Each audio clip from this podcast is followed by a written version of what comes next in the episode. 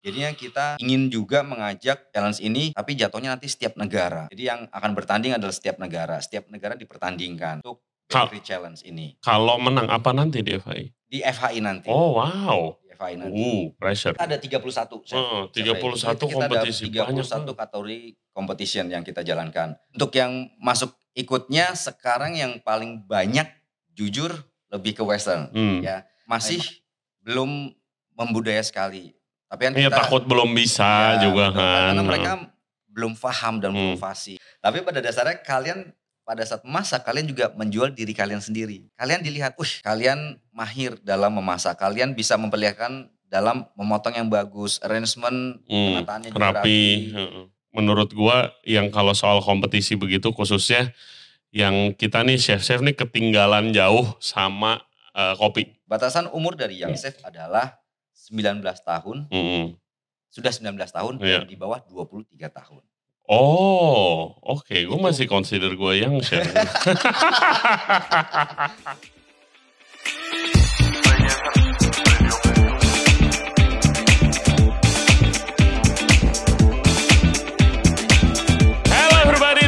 very much for tuning in to the show today. Tamu kita kali ini Chef Rafael Triloko Basanto. Dia adalah corporate chef dari Biko Group dan juga presidennya ACP Indonesia, Association of Culinary Professional. Nah kita akan ngomongin kompetisi masak yang bentar lagi akan berlangsung di FHI, Food Hotel Indonesia.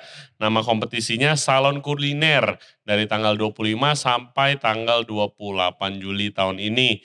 Nah kita akan bahas mulai dari pesertanya, bagaimana chef-chef muda yang ikut kompetisi masak sekarang, kalau menang dapatnya apa. Dan juga kita akan bahas rulebook dan juga tips dan trik buat kalian yang nanti akan ikutan di kompetisinya. Selain itu kita juga akan bahas sedikit tentang penjurian. Apa aja yang membuat seorang juri itu juri yang baik. Dan buat kalian yang punya cita-cita menjadi certified judge atau juri yang punya sertifikat sampai ke internasional itu step by stepnya bagaimana caranya. Seperti biasa, jangan lupa subscribe di Regensen Radio di YouTube, Spotify, Apple Podcast, Google Podcast, dan juga Anchor App. Follow Instagram kita di Regensen Radio dan juga di TikTok. And without further ado, please welcome Chef Rafael Triloko Basanto. Enjoy the show.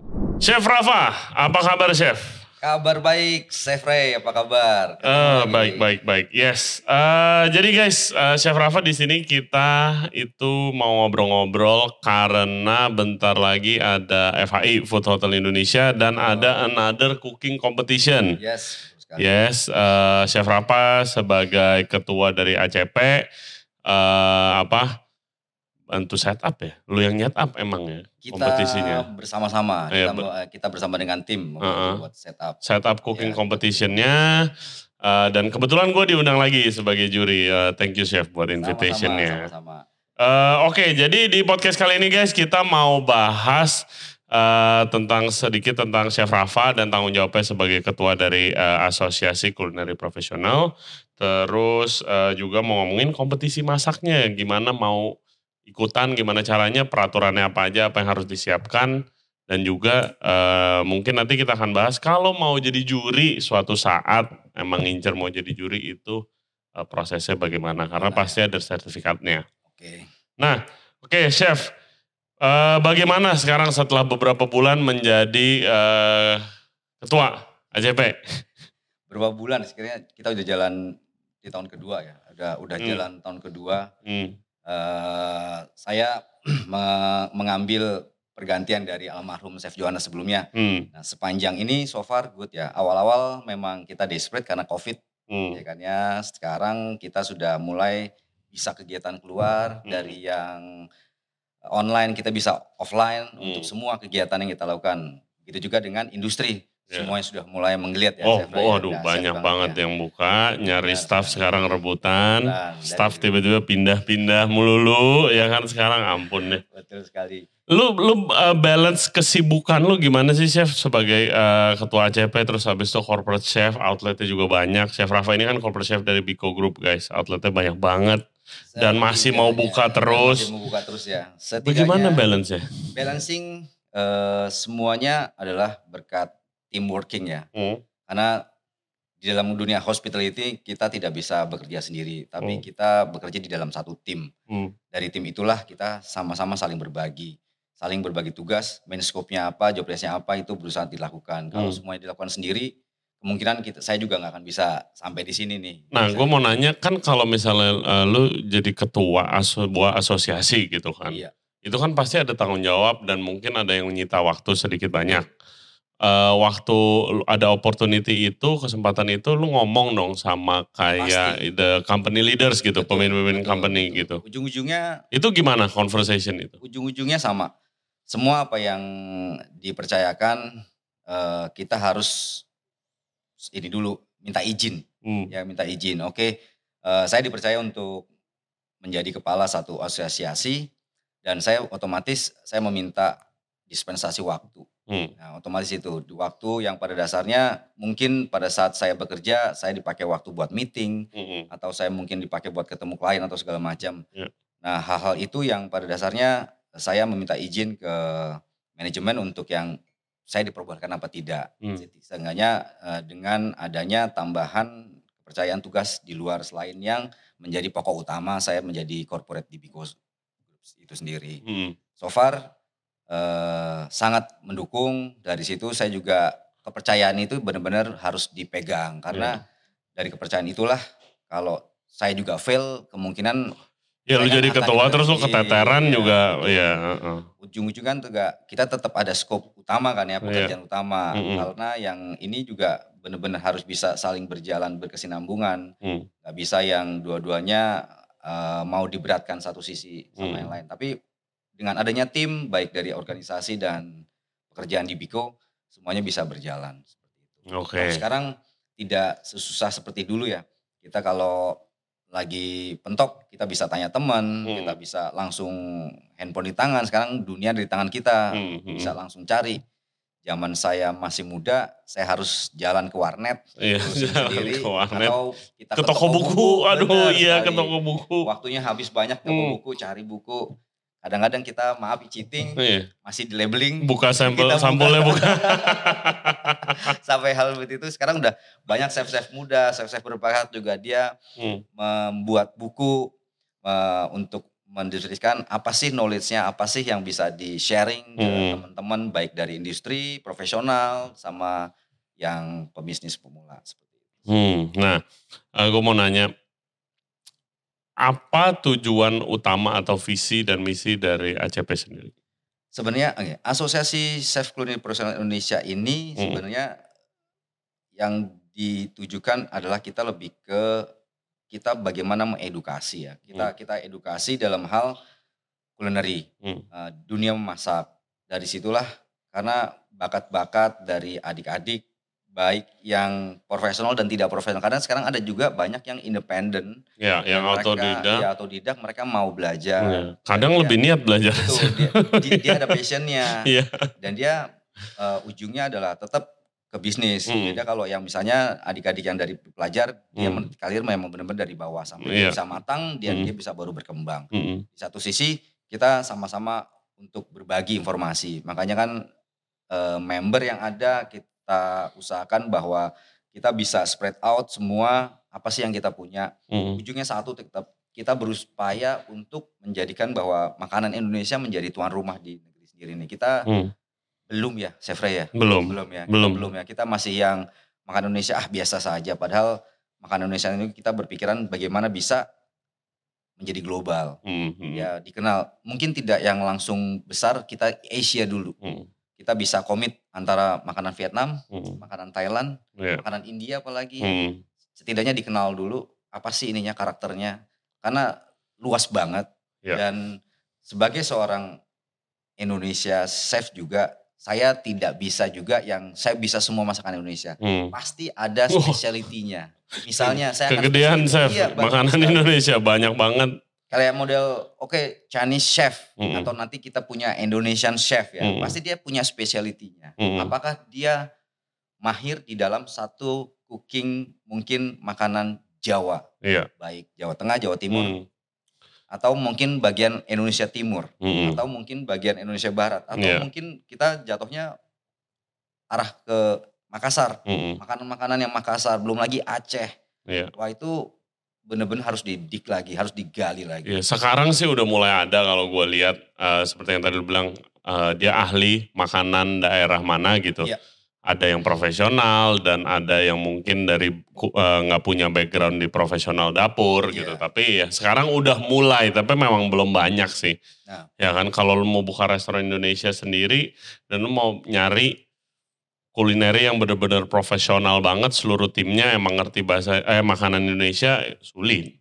Otomatis Sulit. kita akan eh, pada dasarnya sama seperti di Chinese restoran atau European. Jadi ada specialty untuk Italian, ada specialty untuk pizza, Iya. ada specialty untuk pasta. Mm-mm. Kita juga kalau kita mau bikin Indonesian cuisine yang atau kitchen yang Betul. bagus, kita punya specialty chef untuk beberapa masakan tersendiri. Jadi kita nggak usah yang harus yang saya tahu semua nggak, tapi kita harus tahu basicnya. Mm-mm. Tapi kita punya harus specialty-nya karena dari situlah dapat otentiknya. Hmm, iya. Karena kalau makanan tradisional itu kita nggak bisa lepas dari pakem ya, Iya. Oten- Betul, otentikitasnya. harus- bumbunya ya kan. Betul. Mm-mm. Yang kita bisa kreasikan adalah presentasinya. Mm-mm. Tapi jangan sampai kita eh, lari atau keluar dari jalur bagaimana cara makan yang baik. Mm-mm. Nah, kadang-kala misalnya eh, implementasinya bagus nih kayak gado-gado Mm-mm. ya. Makan gado-gado yang enak adalah semua bumbu dicampur. Iya. Oke. Mm. Tapi kadang-kadang kita berusaha untuk bagaimana kita bisa good looking di atas Iya, piring. Betul. Sausnya dipisah, Hmm. semuanya di eh, tata apik di atas piring. Tetapi pas di saat di serve kita tidak explain ke tamu bagaimana cara makan yang benar. Hmm. Itu yang salah. Iya, Jadi iya. kita boleh me- mempresentasikan makanan bagaimana yang baik, tapi kita pada saat itu kita harus memberitakan ini makanan dari mana. Best untuk cara makannya adalah semua harus diaduk jadi Iya. satu. Betul, betul. Ini gua gua eh, ada gua kemarin lihat di Instagram dia chef dia eh, expert Southeast Asian cuisine lah Iya. gitu kan. Dia punya restoran di Australia kalau nggak salah. Gue lupa nama chefnya guys. Eh jadi ada signature dish dia gado-gado, Iya, tapi gitu kan. Tapi ya gado-gado versi yang udah di Modernkan. dimodernkan, Ya. di Michelin star kan, di fine dining kan. Ya sayur disajin mentah gitu kan. Gue liatnya kayak, aduh ini kan bukan gado-gado ya. Iya. Sebenarnya lu rebus dong kalau mau bilang gado-gado Nah, gitu kan. Jatuhnya ini kan lebih ke kredok jatuhnya ya. Iya, iya. Betul, butter ya. betul. Ya enak juga. Iya. Tapi ya Implicit knowledge-nya Bukan, ya. itulah. Knowledge-nya itu yang emang makanan Indonesia sayangnya belum dikenal sampai sebegitunya gitu kan. Jadi orang masih, karena nggak tahu basisnya yang benar, jadi eh, modifannya kadang kan salah gitu kan. Makanya sekarang kita berusaha di dalam ada kompetisi yang kita lakukan untuk kelas-kelasnya kita masukkan untuk masakan Indonesia. Hmm. Nah, untuk Ya kemarin itu di Sile Interfood ada bakaran kan, ada Iya, ada sate-satean, ada sate-satean. tumpeng dan Ada macam-macam. itu itu udah termasuk kita bagaimana. Terus kita cuma bagaimana pengembangannya dari peserta-peserta yang ikut yang masuk. Mhm. Nah, di FHI yang ke-13 ini sudah berjalan. Kita sudah banyak dari setiap kelas-kelasnya juga kita upgrade dari makanan-makanan yang memang bahan dasarnya bumbu rempah Indonesia. Mhm. Dari situ juga kita ikut menyokong program pemerintah yang Spice Up, Up Spice the the World. heeh. Itu juga sama-sama kita bersinambungan nih. Jadi benar pemerintah juga masuk dan Hmm. kita juga sebagai eh, praktisi kuliner juga masuk. Nanti bagaimana eh, penerapannya ke peserta nih yang mau buat makanan itu sendiri. Nah dari situ mereka akan mencoba mau berkreasi. Nah, eh, kalau waktu pendaftaran dibuka nih, Iya. itu kan ada, kalau kemarin gua ngejuri kan pasta, Mhm. bagian pasta. Ada yang ngejuri, teman-teman ngejuri bagian sate, apa segala macam. Untuk entry-nya banyakan western apa banyakan Indonesian, Chef? Apa sama aja? Kalau yang sekarang untuk entry-nya eh, Kayak masuk gue pengen lihat yang chef-chef yang ikutan kompetisi itu lebih banyak mau ikutan kompetisi yang western apa yang Indonesia? untuk yang masuk ikutnya sekarang yang paling banyak jujur lebih ke western Hmm. ya. Eh, makanya saya tadi bilang masih belum membudaya sekali. Tapi kan Iya kita takut belum bisa Ya, juga betul. kan. Karena mereka belum paham dan belum Hmm. fasih. Hmm. Pada dasarnya pada dalam lomba memasak ini kita juga memberikan kisi-kisi kemudahan. Hmm. Kita masak bumbu Indonesia asal tahu aja kalau sampai bumbu yang kita masak tidak matang, itu Hancur. jatuhnya hancur berantakan ke mana-mana. Tapi kan Hmm. kalau semuanya misalnya harus dibikin di tempat, terus Ribet, ribet. menumis Iya. sampai dengan matang, waktunya udah habis. Hmm. Makanya ada beberapa kemudahan yang Hmm. memang diperbolehkan Iya, membawa bumbu dasar, Heeh. tetapi tidak boleh disesening. Oke. Dia tidak boleh dibumbuin. Nah, hal itu nanti semua akan diperiksa sama dewan juri. Hmm, hmm. Jadi lihat bumbunya, diperiksa apakah memang betul tidak dibumbuin. Jadi Hmm. bumbunya semuanya harus di on the spot. Iya. Kayak model sayuran itu sudah bi- boleh di clean tapi tidak boleh di cutting. Jadi tidak boleh di portion. Hmm. Jadi kita juga harus melihat bahwa kamu harus menunjukkan teknik memotong, Iya. ya kan? Jadi boleh ikan sudah bersih tapi nggak boleh di fillet. Hmm. Kalau bisa kamu tunjukkan secara fillet ikannya. Tapi Hmm. kalau misalnya kamu mau bawa ikan utuh masih harus scraping segala macam waktunya nggak akan nggak akan ke, ke Hmm. Uber lah. Iya. Nah, hal-hal itu yang harus disingkapi. Jangan jangan sampai juga Iya, yang semuanya from scratch ya, hancur tuh dapur. tapi jangan juga yang semua kemudahan itu diambil Heeh. dari situ dia tidak menunjukkan bagaimana teknik memotongnya, Hmm. terus menumisnya. Semuanya memang benar-benar dimaksimalkan secara eh, harfiah. Hmm. Nah, itu juga benar, tidak salah, tetapi tidak menambah nilai plus. Setidaknya betul. seperti itu. Jadi dia juga harus lihat, oh ini ini cuma tinggal kasarnya kalau semuanya sudah selesai kan tinggal diaduk ya, tinggal Hmm. di finishing. Hmm. Nah hal itu kalau biasanya teknik memasak ini kan buat kelas-kelas yang memang demo masak itu 45 menit. Hmm. 45 menit buat saya tuh cukup untuk membuat dua dish Hmm. makanan yang memang semuanya sudah boleh dipersiap di rumah, hanya di Tinggal finishing. di finishing di tempat dan cutting sama cooking. Hmm. Nah itu yang harus dilihat dari kisi-kisi mana yang boleh Iya. yang tidak. Nah ini kita masuk nih ngomongin kompetisinya nih ya secara detail. Siapa tahu aja ada yang mau ngikut, mau yang eh, tahun ini atau tahun depan banyak kompetisinya. Iya. Nah saya pertama yang ini di FHI itu namanya salon kuliner.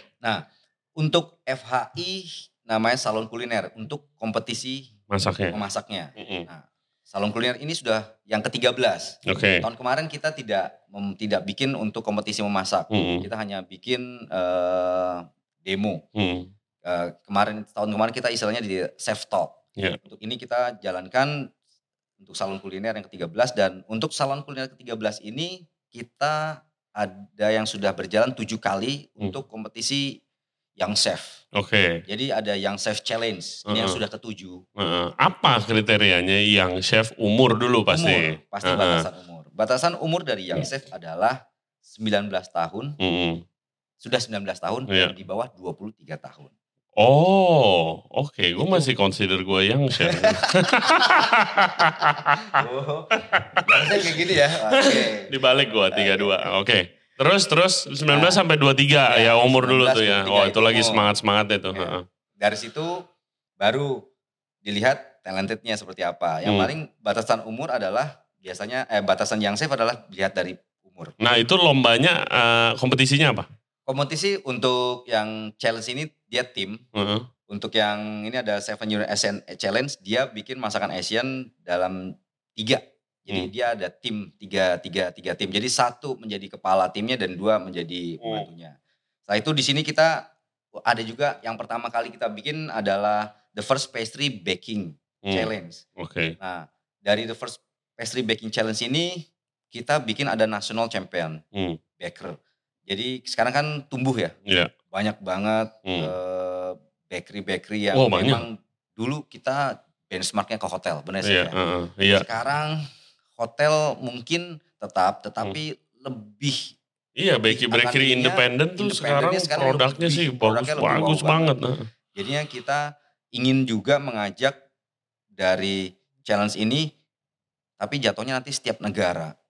Jadi yang akan bertanding adalah setiap negara, setiap negara dipertandingkan untuk bakery challenge ini Kalau menang apa nanti di FHI? di FHI nanti. Oh wow. Di FHI nanti. Uh, pressure. Jadinya eh, kita akan bikin dari yang sudah masuk itu da- dari Taiwan, Cina yang Hmm. akan ikut.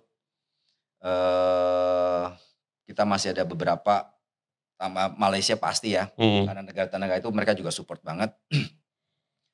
kita juga pasti ikut karena Hmm. kita tuan rumahnya. Betul. Nah, dari satu dari satu sisi Bakery Challenge itu satu kompetisi 8 jam.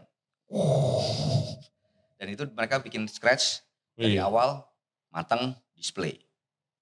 Wow, nanti nih deh, wah seru nih pasti itu. Itu itu itu waktunya time frame-nya panjang. Hmm. Uh, bakery challenge-nya. Setelah itu ada yang uh, dessertnya. Jadi untuk perlombaan ini memang lebih lebih ke kita champion, buat national champion.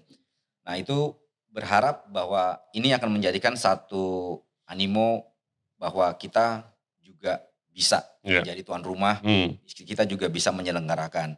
Yang biasa kan kita jatuhnya benchmarknya selalu ke FHA Singapura ya. Yeah. Nah, sekarang kita mencoba untuk kita bisa menjadi tuan rumah, kita bisa untuk uh, membuat satu kompetisi yang memang layak dan memang bertaraf internasional.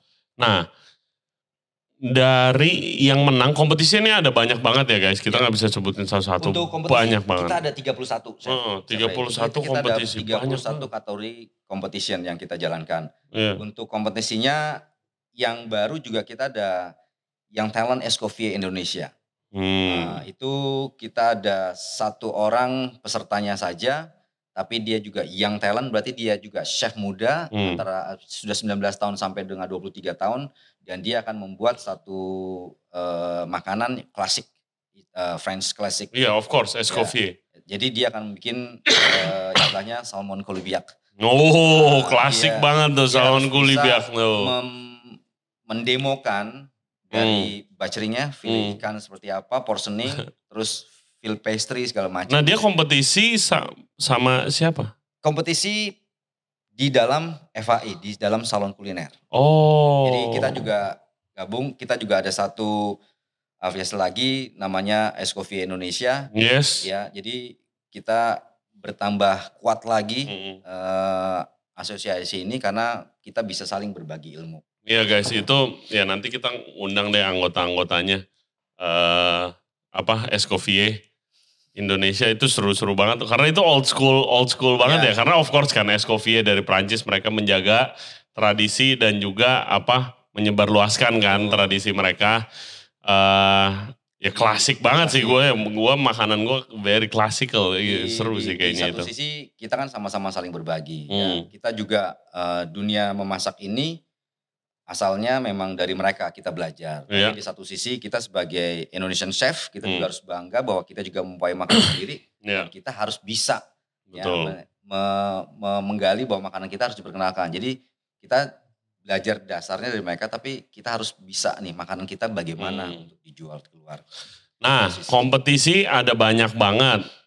Peraturannya ada macam-macam. Iya. Kayak tadi uh, Chef Rafa udah jelasin sedikit tentang peraturan makanan Indonesia. Ya karena itu harus dibaca detail dulu sebelum ikutan. Betul, betul. Harus harus bener-bener detail, jangan sampai salah. Nih, gua uh, cerita chef uh, pengalaman ngejuri gua kemarin ya, ya kan. Gimana gimana? Uh, ya itu kalau dari segi rules itu harus dibaca detail banget karena clearly ada yang nggak baca detail. Ya. Contoh itu kemarin uh, eh, gue ngejuri kompetisi pasta kan. Ya. Terus habis itu di uh, yang wave pertama tuh ada belasan orang lagi masak pasta.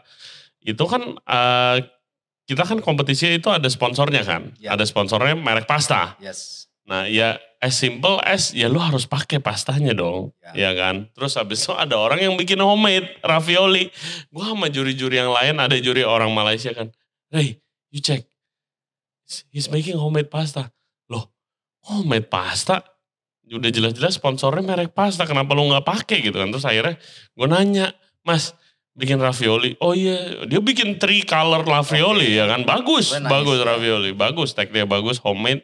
Dengan uh, waktu yang disediakan, amazing. Yes. Bikin homemade pasta gitu kan. Lu nggak pakai pastanya, sponsor? Hah? Enggak, Chef. Emangnya harus? Lihat nama kompetisinya apa? Oh iya, akhirnya ravioli itu hanya menjadi garnish, lengkap. jadi garnish. Iya. Aduh, ampun. Iya. Ya itu sayang banget iya. kan. Jadi itu miss the point. Ada lagi yang yang uh, di rule-nya sudah jelas kan ya boleh dipersiapkan, nggak iya. usah bikin from scratch. Iya. Ada satu yang mungkin mau menunjukkan kebisaannya banget, maksa bikin from scratch, akhirnya nggak kekejar gak waktunya. Ya kayak gitu harus, kalau advice dari gue sih harus detail banget baca rule-nya ya. gitu sebelum. Jadi harus tahu rule-nya dulu. Hmm. Setelah itu harus bikin time planning-nya. Iya, nah, betul. Dari time planning dengan waktu durasi 45 menit hmm. dalam uh, memasak, mana yang bisa dilakukan on scratch di, di di dalam kitchen, mana Hmm. yang memang bisa dilakukan sebelumnya. Iya, misang plus di mana kayak Iya. gitu. Jadinya hal-hal itu yang harus dibikin eh, di, di diolah. Jadi Hmm. menjadi seorang pemenang Hmm. tidak yang memang memang harus bisa hasilnya ya. Iya. Taste memang nomor satu. Tes nomor satu. Ya, setelah itu baru kita visual. Hmm. Di satu sisi juga balik lagi ada kebersihan yang harus Iya, kita cek. timing. Timingnya. Setelah itu kan eh, timetable-nya gimana. Hmm. Bukan berarti kalian masak paling cepat selesai, paling bagus. Ya, itu itu itu. gue sebel sih lihatnya sih. Nah it- itu kadang-kadang juga sama. Sebelumnya saya juga pernah explain ya waktu kita berdua ya. Hmm. Bahwa kompetisi memasak bukan kompetisi siapa adu cepat dia Iya. menang. Heeh, Tapi bukan. harus dilihat bahwa kapan time settingnya sudah selesai dan kapan time settingnya pas dia mau dites. Betul. Jadinya semuanya tidak terlalu lama panjang. Kadang udah udah ada dulu 15 menit sebelum selesai dia udah rapi-rapi. Lah, pertama makanannya bakal dingin banget Ya. nyobainnya. Kita kan juri-juri karena kan kita nyobain selalu bareng kan. Ya betul. Terus habis itu ternyata undercook Nah, duh, makanannya. Coba lu masak 5 menit lagi. Pas waktunya ya kan. Iya yang kayak gitu sih. Ya itu harus ditekankan banget sih. benar benar benar. Jadi guideline competition yang harus dilihat dari Guideline-nya ada di mana Chef kalau mau baca? guideline-nya bisa langsung lihat di rulebook-nya. Kita Hmm. kalau misalnya nggak ada rulebook bisa langsung ke websitenya SCP, Hmm. scpindonesia.org. Hmm. Langsung kalau yang lama itu website kita scp-indonesia.org. Sekarang yang Hmm. baru scpindonesia.org. scpindonesia.org kalian lihat dulu rule, rule booknya tuh, buku besarnya, lihat. guide-nya. Eh, baca dengan teliti, Hmm. dilihat spesifikasi apa, kelas apa yang mau diikuti, step by stepnya bagaimana, dan dilihat do and don't-nya, mana yang bisa dan mana yang tidak. Setelah itu dilihat lagi guideline-nya, untuk hygiene-nya, untuk apa yang boleh, misalnya waktu makan, kalian boleh minum, hanya boleh minum di area kerja, Hmm. dan semua labeling segala macam itu harus copot, Ya. tapi untuk makan tidak boleh. Jadi sebelumnya kalian diperkenalkan boleh makan, tapi kalau di dalam pertandingan atau dalam jangan lah. sudah tidak boleh untuk makan lagi. Atau misalnya kalian ngunyah permen atau segala macam itu itu udah nggak bisa.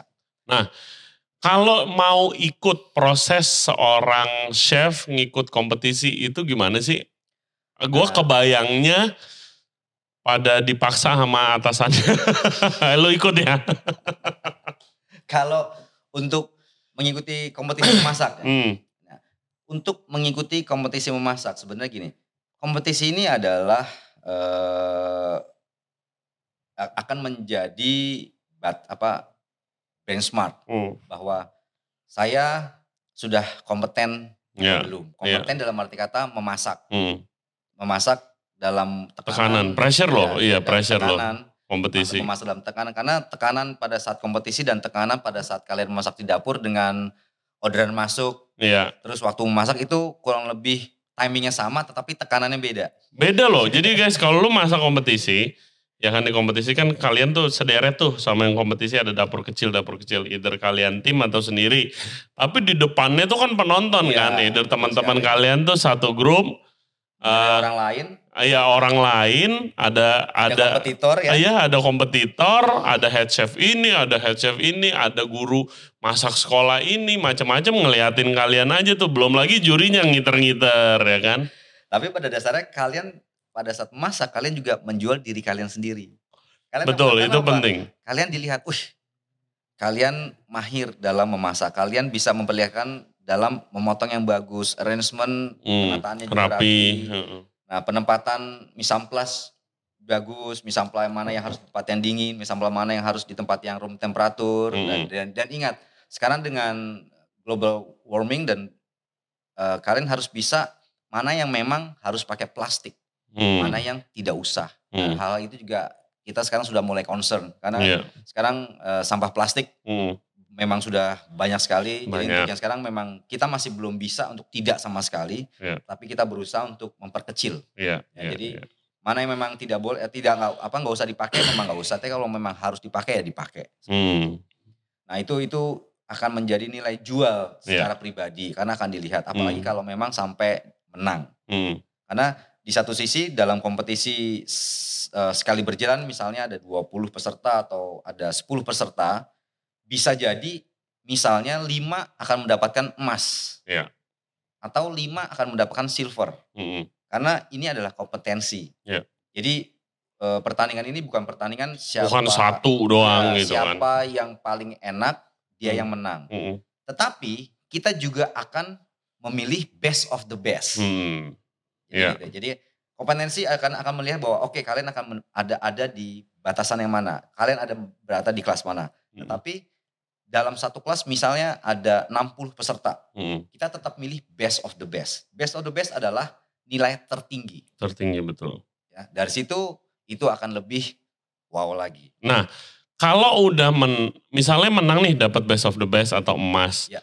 itu ap- dia akan terbuka pintunya untuk kompetisi keluar mungkin suatu saat nanti mungkin. Soalnya kan kalau salon kuliner nih kayaknya yang udah paling bergengsi nih di Indonesia kalau saya Ya, lihat di ya. Indonesia saat ini salon kuliner eh, FH ini adalah yang paling bergengsi karena Food Hotel Indonesia adalah salah satu trademark eh, kompetisi apa bukan kompetisi pameran food and beverage Iya. yang gelarannya ada di Asia. Betul. Makanya ada Food Hot, Hot, Hot- eh, Food Hotel Indonesia, Food Hotel Food Singapura, Hotel Singapura, Food Hotel Asia. ya, macam-macam. ada Thailand, Hmm. ada yang di Filipina seperti itu. Nah, jadi kalau itu nanti mungkin ada kesempatan ke kompetisi internasional kalau begitu kan. Karena kita melihat bahwa talent-talent muda ini kalau misalnya siapa menang, Hmm. nah dia dialah yang mungkin akan menjadi kita coba approach Iya. bisa nggak Representasi ya, Indonesia. adaptasi untuk untuk dibantu untuk Hmm. sana. Tapi semuanya kadangkala faktornya tuh eh, masih sangat kompleks ya. Masih sangat kompleks. Saya bilang kompleks itu kita memang masih berkutat dengan kesibukan yang hari-hari Hmm, dan kadangkala eh, terbentur dengan waktu. betul. Nah, kalau itu misalnya kita butuh siapa dari sekolah mana atau mungkin dia independen tetapi terbatas dengan waktu yang aduh waktu buat trainingnya segala macam. Betul, Nah, waktu hal training, itu, biaya ya, lagi belum tentu. Jadi hal itu memang kita harus harus harus benar-benar dipikirkan kembali. Iya, Dan betul. untuk di negara luar mereka yang ikut kompetisi memang sama seperti kalau kita di tim sepak bola. Hmm, Saya sebagai pemain ya saya hanya latihan hmm, mereka di luar juga sudah mulai seperti itu. Makanya eh, kita kadang-kadang wah ketinggalan. Iya. Kenapa? Mereka hanya berlatih aja setiap hari. betul. Jadi nggak pusing dengan eh, hari ini ada kerjaan apa, misal apa nggak. Yang penting dia latih. Iya, Dia karena emang udah fokus fokus untuk berlatih untuk Iya. satu kompetisi yang berbulan-bulan waktu itu Betul saya sekali. saya di di sempat waktu kerja di Eropa ada eh, staff yang emang terpilih untuk Iya. jadi salah satu ikut tim kompetisinya ya itu emang latihan mulu dia nggak nggak servis Betul. gitu emang Dan udah fokus latihan dan sangat support Ya, betul sih disupport dari pihak company. ya mungkin negara juga negara juga, iya macam-macam Hal-hal ini kita butuh saling saling support, betul support, sih saya semuanya emang saling berhubungan. Kalau kalau gue lihatnya ya, eh, menurut gue yang kalau soal kompetisi begitu khususnya yang kita nih chef-chef nih ketinggalan jauh sama eh, kopi.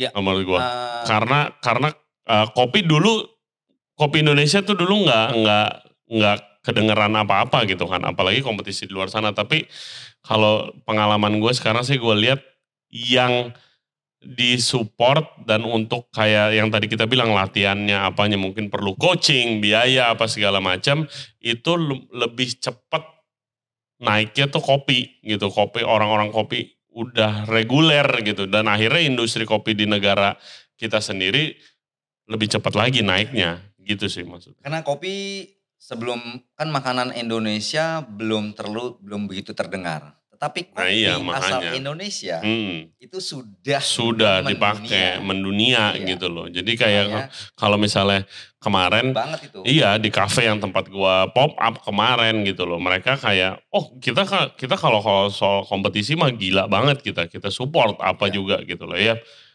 Ya dia harus latihan. Ya dia latihan dia nggak bisa eh, ya seperti lu gitu harus ada waktu yang dikorbankan ya. Tapi Iya. support karena kita mau dapat gelar itu tuh Ya, gitu kan. kita Ya emang seperti itu sih. Yang namanya Makanya- kompetisi guys. Ya. Namanya kompetisi ya pasti pasti ada ada ada yang harus dikorbankan. Hmm, hmm, hmm, hmm. dikorbankan. Tapi plusnya kan semuanya loh. Plusnya semuanya Betul, yang semuanya akan terbawa Heeh, semua dari terbawa. tidak cuma hanya sebagai pribadi, Hmm. Tapi nama negaranya, nama company-nya. Iya, Nah, iya. semuanya akan terbawa kalau memang dia bisa sampai memenangkan atau bisa sampai jadi juara. Hmm. Seperti itu. Nah, di Jadi- satu sisi moralnya kasih lah kalau misalnya ada kesempatan kompetisi bos-bos nih support lah. Jadinya semua satu sisi kita sama-sama dan eh investasi yang besar adalah investasi di manpower Betul. ya. Karena tapi eh balik lagi nih tenaga kerja kita juga masih yang belum begitu begitu bisa dipercaya. Hmm. Saya bilang bisa dipercaya kenapa? Kadangkala sa- satu company sudah memberikan pelatihan yang baik. Hmm. Satu company sudah memberikan eh, edukasi Iya, dan investasi. di- diinvestasikan ke satu orang atau supaya dia bisa baik dan maju. Hmm. Dan nantinya berharap bahwa dia akan menyumbangkan semua Iya, yang sudah dipelajarinya. yang sudah pelajarinya ke company itu. Tapi kenyataannya kadang-kala sudah sekian lama dia Caps. Nah itu itu itu yang kadang-kala sekarang dari pihak company sendiri agak ragu. Iya, betul. Nah, agak ragu bagaimana penerapannya, bagaimana ininya. Tapi di satu sisi kita tetap harus mencerdaskan Hmm. karyawan kita sendiri. Karena apa? Kalau karyawan kita tidak cerdas, tidak cerdas, yang pusing kita sendiri. Betul. Benar gak sih, Re? Iya, malah makin banyak Malah kerjaan makin banyak kita. kerjaannya. Heeh, betul. Semuanya harus kita kerjakan sendiri. Iya. Mau nggak mau kita ya udah eh, deal or not deal, kita tetap harus training Iya, mereka. betul. Ya itu itu rada-rada tricky sih saya. Gue Iya. juga sempat kepikiran waktu itu ya waktu ada gue ada lagi ada restoran gitu gue jadi eh, chef operator di sana kayak ini kalau gue ikutin kompetisi segala macam gue udah gue udah investasi waktu bahan makanan kalau dia menang bagus tadi cabut gimana ya? Gitu kan. Gue kepikirnya gitu. Gue kayak apakah mungkin harus ada kontrak sendiri gitu segala macam perjanjian baru gitu. Ya itu mungkin harus dibahas tuh kalau ada solusinya nih Tapi di, di satu sisi nggak usah takut, Hmm. ya nggak usah takut. Yang penting kita do do the best aja. Kalau memang kita perhatian ke Hmm. anak-anak kita yang kerja, pasti kalau memang dia punya satu moral yang baik, Hmm. pasti dia akan baik. yes Itu sih. Iya. Sebenarnya gimana kita bisa penerapannya ya? Hmm. Di satu sisi ACP sekarang juga berjalan, eh, sudah banyak lika-likunya kan. Hmm. Dulu dipegang ekspatriat, sekarang kita juga sudah berupaya bahwa kita chef Indonesia juga bisa. Hmm. Jadi teman-teman dari ekspat juga tetap kita rangkul. betul Nah sekarang ya why not iya karena apa? Kita tetap Hmm. butuh networking. Iya orang, iya networking kalau sendiri, ya the point of networking lu kenal orang sebanyak-banyaknya, Betul. ya kan? Iya. Buat supaya siapa, iya kita nggak pernah tahu kapan kita butuh bantuan, Kita mungkin butuh kan. mereka, mereka Heeh. juga pasti kan butuh juga kita karena kita yang di sini. Of course, Mungkin dia butuh ini marketnya seperti apa di Hmm. sini di Jakarta, Jogja atau kota-kota besar yang lain. iya iya gue setuju sih itu kayak ya networking ya the point is ya lu kenal orang sebanyak-banyaknya karena lu nggak pernah tahu kapan lu butuh bantuan dari orang A, orang B apa gitu segala Ya. macam gitu kan. Di Dan satu sisi asosiasi atau apa organisasi tidak bisa memberikan apa yang apa yang gue dapat hmm, enggak.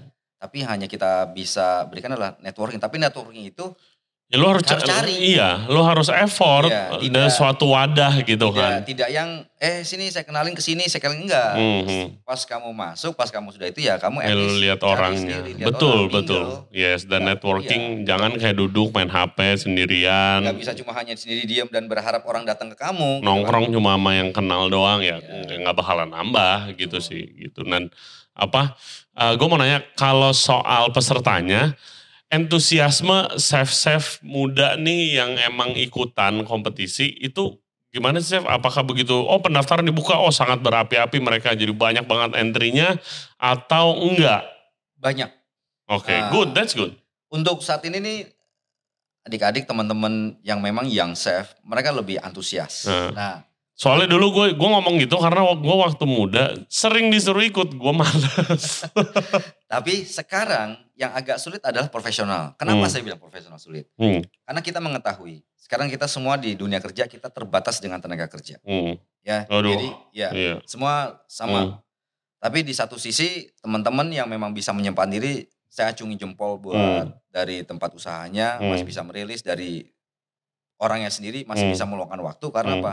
Untuk sekarang baik dari hotel besar dan hotel kecil, restoran besar dan restoran kecil semua pasti pada minim dengan Iya, manning. kurang manning staffnya. Manning staffnya kurang. Aduh, Dari situ ampun deh. tetap bisa meluangkan waktu. Hmm. Saya angkat topi buat mereka. Iya, ya itu sih perlu diacungkan jempol Jadi tuh. eh, kalau dulu kebalik, dulu memang banyak dari hotel, Hmm. restoran segala macam. Tapi sekarang agak berkurang karena karena kita pandemi kemarin ya. Iya, pandemi kemarin mungkin nggak ada yang baru kali ya, karena kan tutup tuh kan, satu tahun lebih, hampir dua tahun tuh kan tutup, jadi kayak, aduh, buset deh, nyari staff susah banget, pada ke mana sih guys?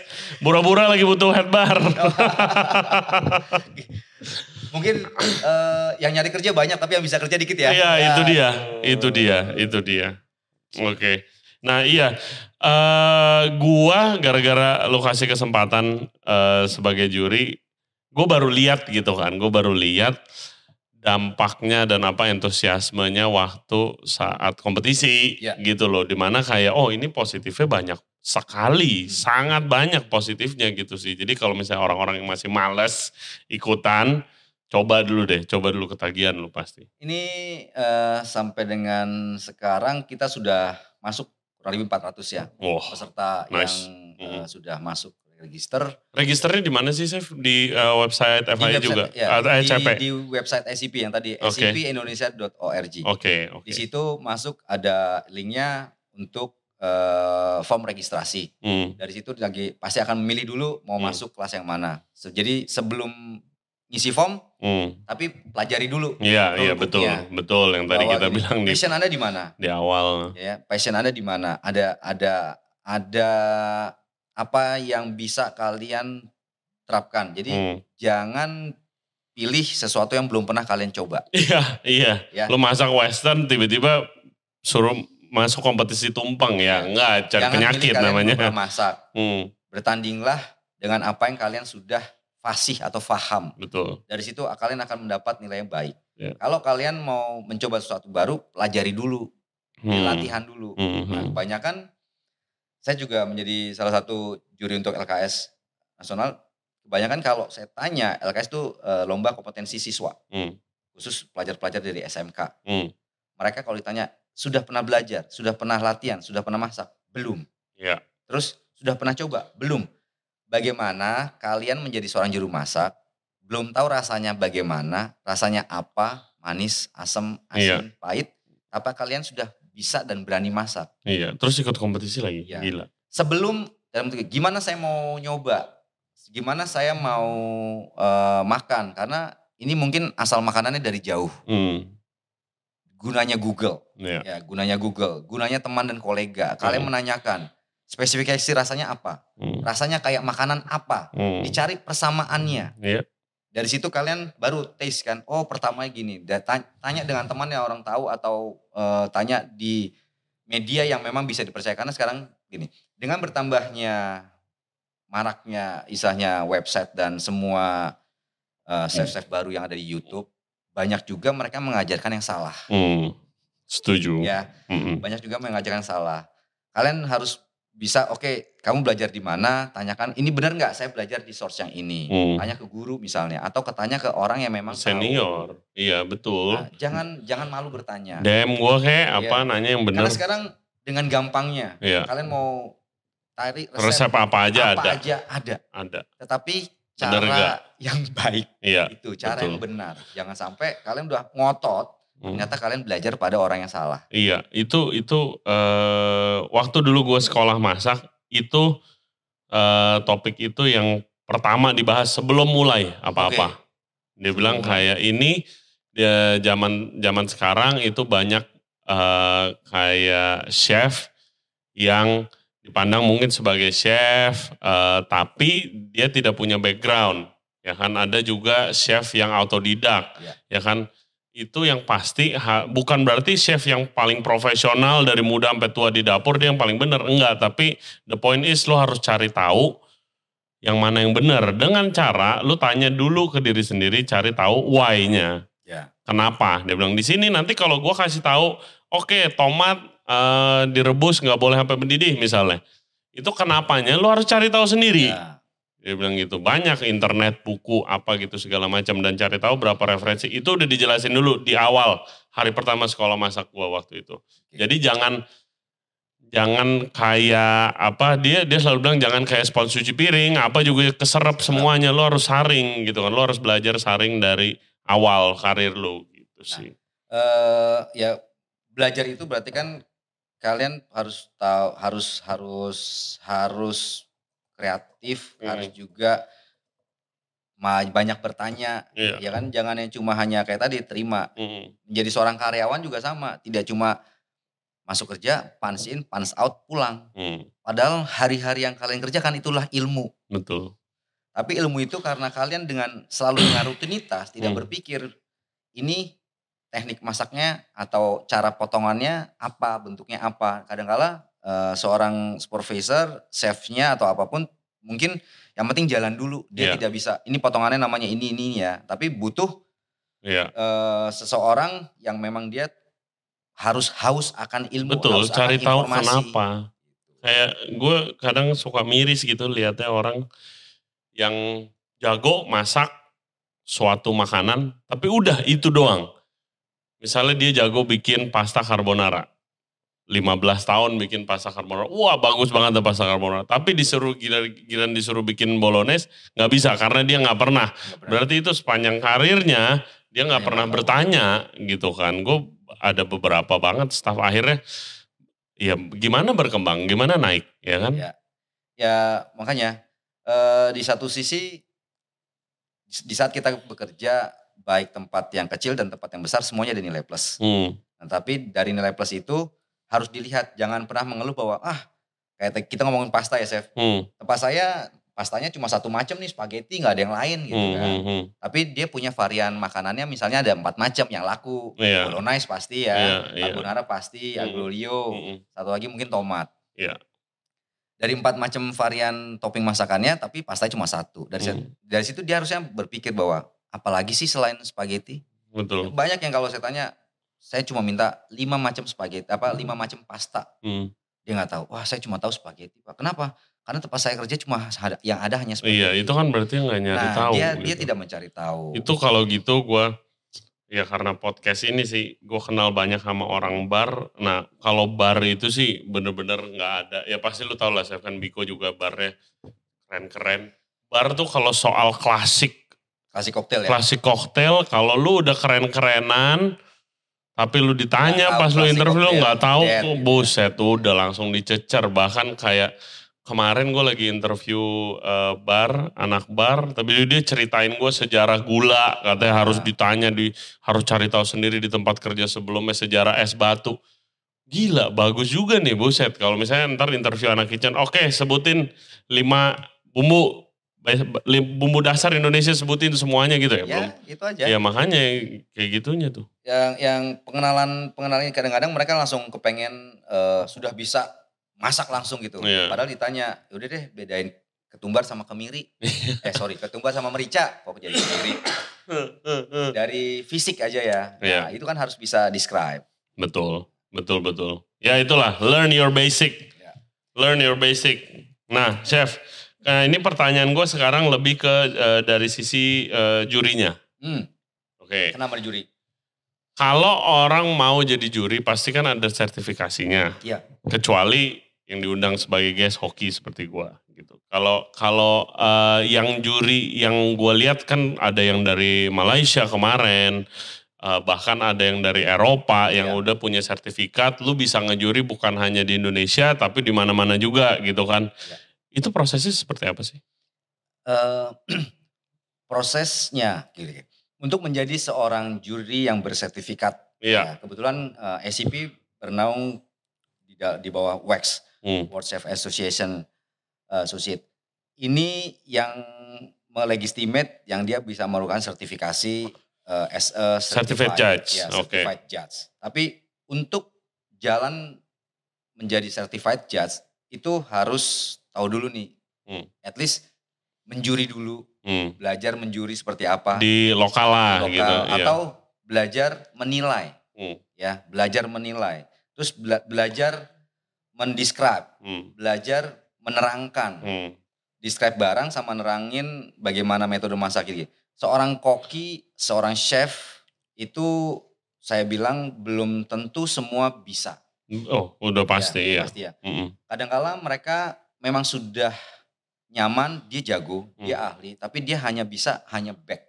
Di belakang. Iya. ya. Dia Di nggak belakang bisa layar. in front. Hmm, Tapi dia memang sudah mahir, dia Mm-mm. memang ahli. betul. Tapi dia harus suruh nerangin di depan audiens atau suruh nerangin ke ininya, ke hanya bisa ke memang subordinate-nya aja. Iya, Tapi dia harus explain iya. ke audiens, dia Ke tamu, ke- macam. Kalau jadi juri kompetisi kan ya pasti ya pengalaman gue sih begitu penjurian selesai, anak-anak yang kompetisi kan pada nanya kan apa yang Iya. bisa diimprove dari makanan kita gitu. gitu. Jadi di satu sisi juga harus tahu dasarnya dulu. Hmm, Dasarnya harus tahu bagaimana memasak yang benar, memasak yang baik. Dari situ apa yang mau dibikin kayak istilahnya kita menggoreng. Menggoreng itu kan berarti kan kita ingin men- mengeluarkan cairan yang ada di dalam untuk menjadikan makanan itu crispy Iya. atau renyah. Hmm. Tapi yang goreng itu kan tergantung konsistensi apa yang mau kita tuju. iya. Kita mau memang kering sekali, hmm, crispy, renyah atau cuma hanya dalamnya moist. Nah, Iya. itu kan tergantung. hmm. Nah, besarnya api ke eh, Temperaturnya, temperaturnya, minyak apa yang minyak. dipakai, ya kan Nah, beda-beda. itu kan itu perlu pembelajaran dan Hmm. perlu juga latihan. Iya. Karena belajar as a teori kita Hmm. sebagai chef nggak cukup. Iya, betul. Kita harus praktek, Hmm. tetap praktek. Karena apa? Dari praktek itulah kita kayak model pisau Hmm, diasah terus. Hmm. Semakin kita sering berpraktek, semakin kita sering turun, semakin tajam kan Iya. pisaunya. Karena Hmm. insting kan. Iya. Balik lagi. Seorang juru masak tidak bisa hanya template lihat dari resep, Hmm. tapi tetap butuh feeling. Iya. Ya kan feeling mungkin palette test kita berdua beda nih. Hmm, Kita rasa enak, tapi mungkin dari chef Ray bisa bisa mengecap untuk satu rasa yang oh ini lebih ke sini. Iya. Saya bisa ngecap ini yang lebih ke sana. hmm, Nah, tapi kita poinnya bisa sama nih. Benchmarknya hmm, enak. Nah, benchmark enak itu yang harus disamakan persepsinya dulu nih. hmm, hmm. Jangan kita menilai dari persepsi pribadi. Iya. Ya, kalau kita menjadi juri itu kan nggak bisa persepsi pribadi. Iya, iya, enggak. Eh, saya lebih suka manis, saya lebih suka asin, saya lebih suka asam. Kita Hmm. lihat dulu makanan apa yang di kita mau taste, kita mau Betul, coba. betul. Dari situ lihat dulu karakternya, mau makanan ini harus dominan ke manis kah, ke Hmm. asin atau apa. Hmm, Sebelum kita coba di palette taste. Hmm. Tapi pas kita nyoba sesuai enggak? Ya. Eh, range rasanya eh, Balance enggak balance gitu. enggak, Hmm. minus atau plus. Nah itu kan kalau dari segi eh, palet rasa dan juga knowledge, Ya. ya kan, dan juga dari segi presentasi, presentasinya. presentasi ke orang Ya. gitu kan. Nah eh, jadi kalau mau jadi juri, ya daftarnya dulu gimana? Apakah ada pelatihannya dulu apa Nah, gimana? kalau untuk yang menjadi juri ini juga untuk yang bersertifikasi Hmm. harus mengikuti satu pelatihan khusus yang oke. memang diadakan dari WEC sendiri. Oke, Biasanya eh, Ada notif tuh di negara, ACP ya, nanti. dari dari SCP juga kita kebetulan juga sekarang eh, bikin eh, pelatihan untuk sertifikasi Oke. juri oke. yang nanti kita gabungkan dengan eh, salon kuliner acaranya ya. Hmm, Dari situ kita juga ingin bahwa Indonesia punya talented certified judge hmm, yang memang sudah approved. Ya, sudah approved. Dari situ karena kita sudah memegang satu sertifikat, kita juga bisa menjuri keluar. Iya. Nah Jadi- itu lu networking lu Iya. lebih gila lagi tuh kalau udah internasional. At least kita jalan Asia dulu. Hmm, Jangan langsung kita pikir kita mau langsung ke Eropa. gitu. Sekarang kita Asia dulu. Dari Hmm. Asia kita sudah tahu karakter segala macam, baru hmm, loncat lagi ke Jadi jangan juga kita mentang-mentang sudah ini kita langsung mau langsung terbang jauh hmm, atau kita langsung mau bisa terbang enggak. Kita tetap harus step by step. hmm, Karena sebagai juri juga ada stepnya. Karena juri yang bersertifikasi Hmm. ada yang continental judge, ada kayak model judge A, judge B sama judge C. Iya, Jadi betul. kalau yang judge A dia sudah yang tertinggi. Jadi sudah tarafnya internasional. Oke, nah itu guys kalau kalian punya cita-cita mungkin jadi certified judge, langsung daftar kalau pas ada pelatihannya ikut. Ya. kan? Untuk untuk certified judge sendiri itu dibagi dua. Hmm. Eh bukan dibagi dua, dibagi ada beberapa kategori. Hmm. Jadi ada certified judge yang khusus misalnya untuk yang hot cooking, Mm-mm, ada certified judge untuk yang pastry, mm-mm, ada juga certified judge untuk yang art, mm. untuk yang artis. Iya, yang Nah, yang display display fruit display, carving lah apa gitu segala macam. eh, apa display makanan segala Hmm. macam. Jadinya ada beberapa penjurian yang sesuai dengan scope dan Iya, bikin yang sesuai kayak gua nih, gua nggak pernah bisa food carving, jangan daftar jadi food carving, ntar bikin malu ya kan. Karena kan eh, feel-nya beda. Iya, sesuai Iya, expert skill- kalian skill-nya lah. kalian Heeh. beda. Oke, Chef Rafa, sebelum kita tutup ini podcast kita, ada banyak banget kemarin yang eh, masukin pertanyaan ke pertanyaannya Regensen dasar-dasar Radio, ya. Regensen Radio Podcast. Kita pilih beberapa yang terbaik nih eh, buat Chef Rafa. Jadi guys, ini list eh, questionnya. Thank you for the questions, keep them coming. Eh, Oke Chef, pertama dari Jeffrey underscore CT. Kalau nggak, oh ini mungkin lebih ke eh, career and personal life ya. Kalau nggak bal- eh, balance soal family and work matter, apa kerja keras yang patut dilakukan biar work matternya bisa sehebat sekelas corporate chef? Apa? Maksudnya? Mungkin, Mungkin, maksudnya Iya, mungkin pengorbanan ya, pengorbanan yang udah lu lakukan karena ya lu Ya. gimana work mungkin mungkin istilahnya eh, semuanya sebenarnya bukan pengorbanan yang harus dilakukan. Harus balance ya. Hmm, Untuk seimbang itu susah. hmm, Untuk seimbang susah. Balik lagi seperti tadi yang saya bilang bahwa di dalam kita kerja kita butuh kerja di dalam tim. hmm, Kalau kalian kerja sendiri tidak disupport dengan tim yang kuat, dengan tim yang baik, kalian tidak bisa adanya balancing. Balancing itu dalam berkata eh, di dalam family yang kita butuhkan adalah quality time. hmm, Tapi di dalam kerja yang kita butuhkan adalah improvement Iya. skill. Di satu, nah, keduanya kadang-kadang kalau kalian eh, berat sebelah pasti akan ada yang Iya, minus minus. pihak. Iya, Tetapi equal agak susah juga. susah. Ya, equal juga susah.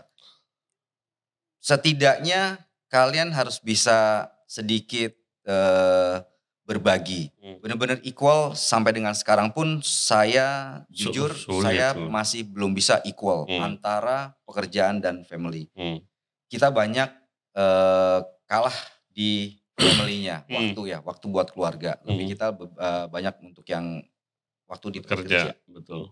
Nah, bagaimana kita berbagi, bagaimana kita ini berarti kan satu-satunya kalau yang saya lakukan adalah saya tetap masih dengan berusaha bahwa di saat saat di rumah saya benar-benar meluangkan waktu. Hmm, ya Full. be there, jangan Iya. kayak eh, lu ngurusin HP, ngurusin kerjaan Ya, juga gitu. Kadang-kadang kan eh, kerjaan juga masih ada, terus Hmm. kadang-kadang juga saya eh, kita masih ngurusin yang lain Hmm. atau kadang-kala kita masih ada hobi kadang-kadang ya. Iya. Kalau kayak gitu mau nggak mau ego balik lagi ego. Karena kan kita ada hobi kadang-kadang. Hmm, hmm, Ego itu ya dibuang. Iya. Sekarang kita buat keluarga. Keluarga itu ya istri dan anak. hmm, dalam satu sisi mungkin kita capek hmm, tapi kita mau istirahat. Hmm. tapi karena waktunya mereka kan waktu mereka ketemu dengan kita sebagai kepala- keluarga kan jarang ya. Iya, otomatis hanya saat itu juga meskipun kita kepengennya tidur hmm, mau nggak mau kita temanin. Hmm, kita nggak usah selalu pikir harus jalan keluar rumah hmm, tapi at least bermain kan. Iya, bersama bercengkrama mau yang bercanda mau yang Hmm. apa pun dilakukan di saat bersama itu memang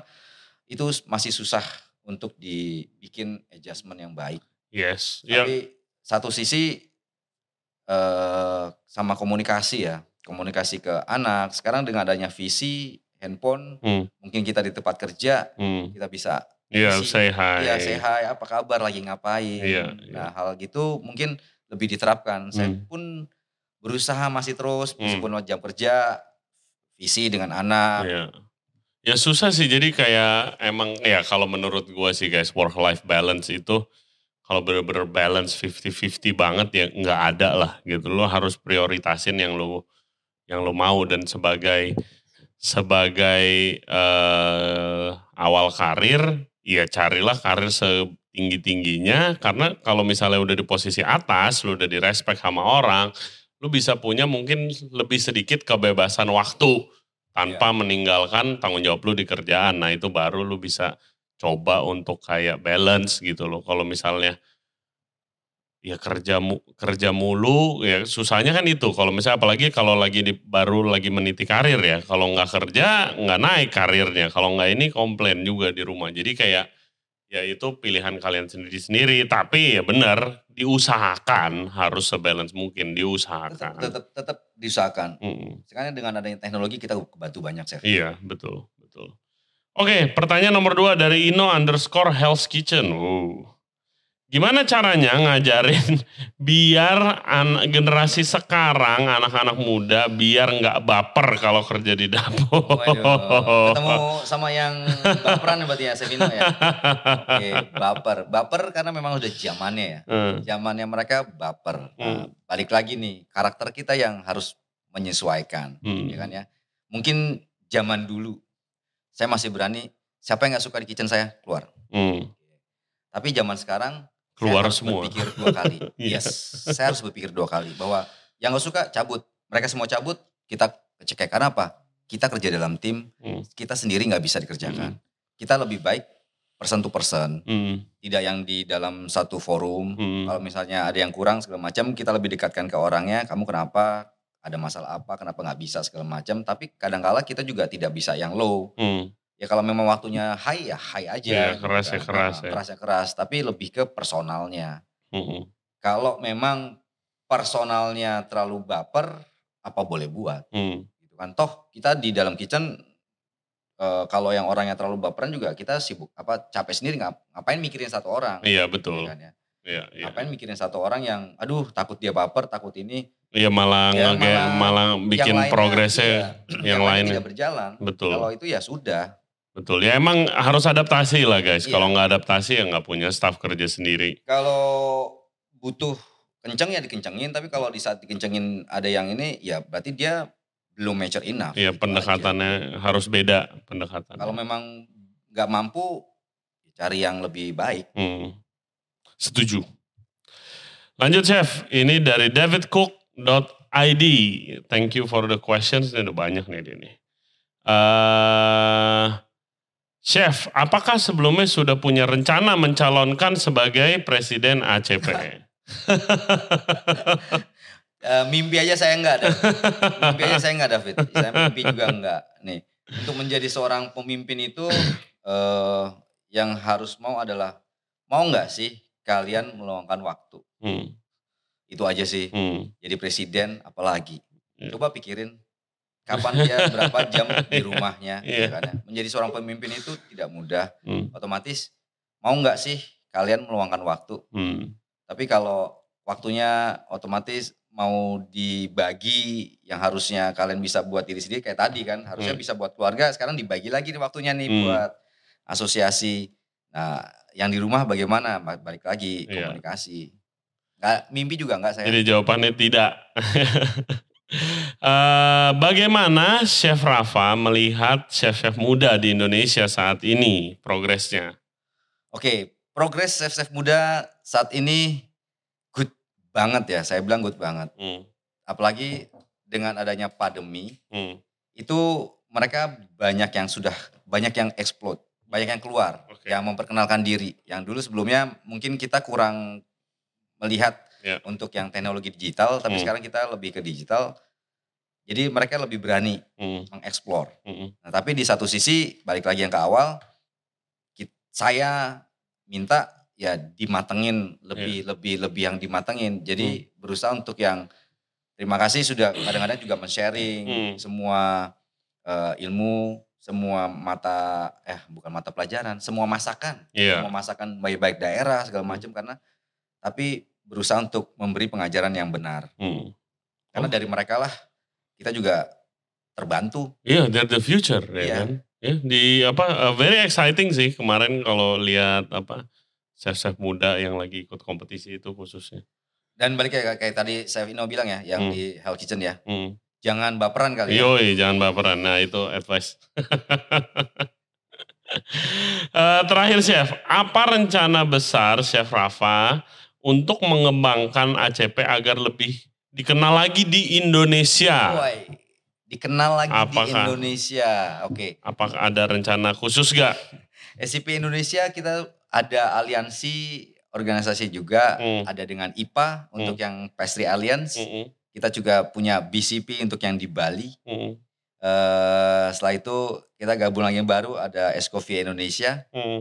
Nah, mimpi terus ada untuk yang yang chef Hmm. untuk chef-chef muda Iya, yang ya, Chef yang Association. chef itu jadi beberapa area kalau itu balik adik-adik yang muda masuk dulu ke yang chef Mm, karena dari kalian lah nanti akan menjadi cikal bakal penerus kita Hmm. kita semua Hmm. jadi dari situ kita berharap bahwa kepengen kita semua sama nih. Hmm. Eh, mimpi saya sih ke, eh, seenggak-enggaknya asosiasi apa pun di Hmm. bawah eh, asosiasi apa pun Hmm. kalau kita punya satu satu kegiatan yang baik, Hmm. satu Targetnya sama. target yang sama, Hmm.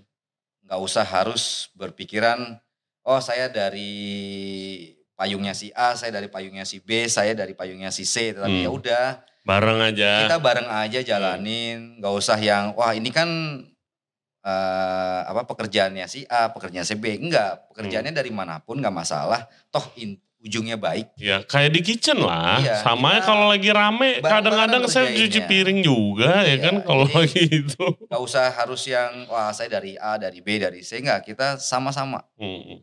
Setuju Chef. Chef Rafa thank you banget buat waktunya udah nyempetin ke sini dari Thank you banget. kesibukannya. Kesempatannya juga bisa saling bertukar informasi Hmm. mengenai eh, salon kuliner, Iya. kompetisi. Nah untuk tahun ini Tanggal berapa Chef? jangan lupa ya nanti Hmm. di 25 Juli sampai dengan 28 Juli Hmm. itu ada kompetisi terbesar untuk di Indonesia dan Hmm. bergengsi banget untuk di Food Hotel Indonesia kompeti, eh, acaranya untuk kompetisinya di Salon Kuliner Hmm.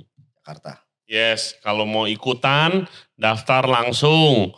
Kalau mau datang nonton meramaikan boleh juga seru kompetisinya nanti eh, ketemu gue kita ngobrol-ngobrol. Eh, sukses Chef buat proyek-proyek ke depannya. Semoga Siap. ACP juga makin jaya lagi. Biko Group tidak usah di eh, apa dipungkiri lagi growing gila-gilaan. Gue kemarin makan di Silk Bistro, podcast sama Chef Freddy juga top banget. The most beautiful restaurant ever. Homie ya. Yes, sangat-sangat homie. Thank you banget ya Chef ya.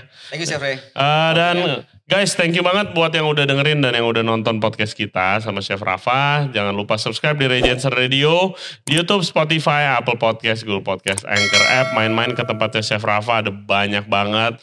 Black Pond, ada eh, di Biko Black Pond, Akta, Duck Down, Silk Bistro, Beer Bistro, Garden, eh apalagi ya, ya dan coming soon masih banyak juga. Oke, oh ada Pipo juga, Pipo. Ya Pipo Kantinero Fujin. Yes, iya banyak. Oke, main-main ke tempat Chef Rafa, siapa tahu bisa ngobrol-ngobrol di sana. Dan kalau ada kritik, saran, eh, guest, eh, DM di Regensen Radio. Dan juga kita ada di TikTok. And as always, stay safe, stay healthy. We'll see you next time. Bye-bye. Bye bye. Thank you.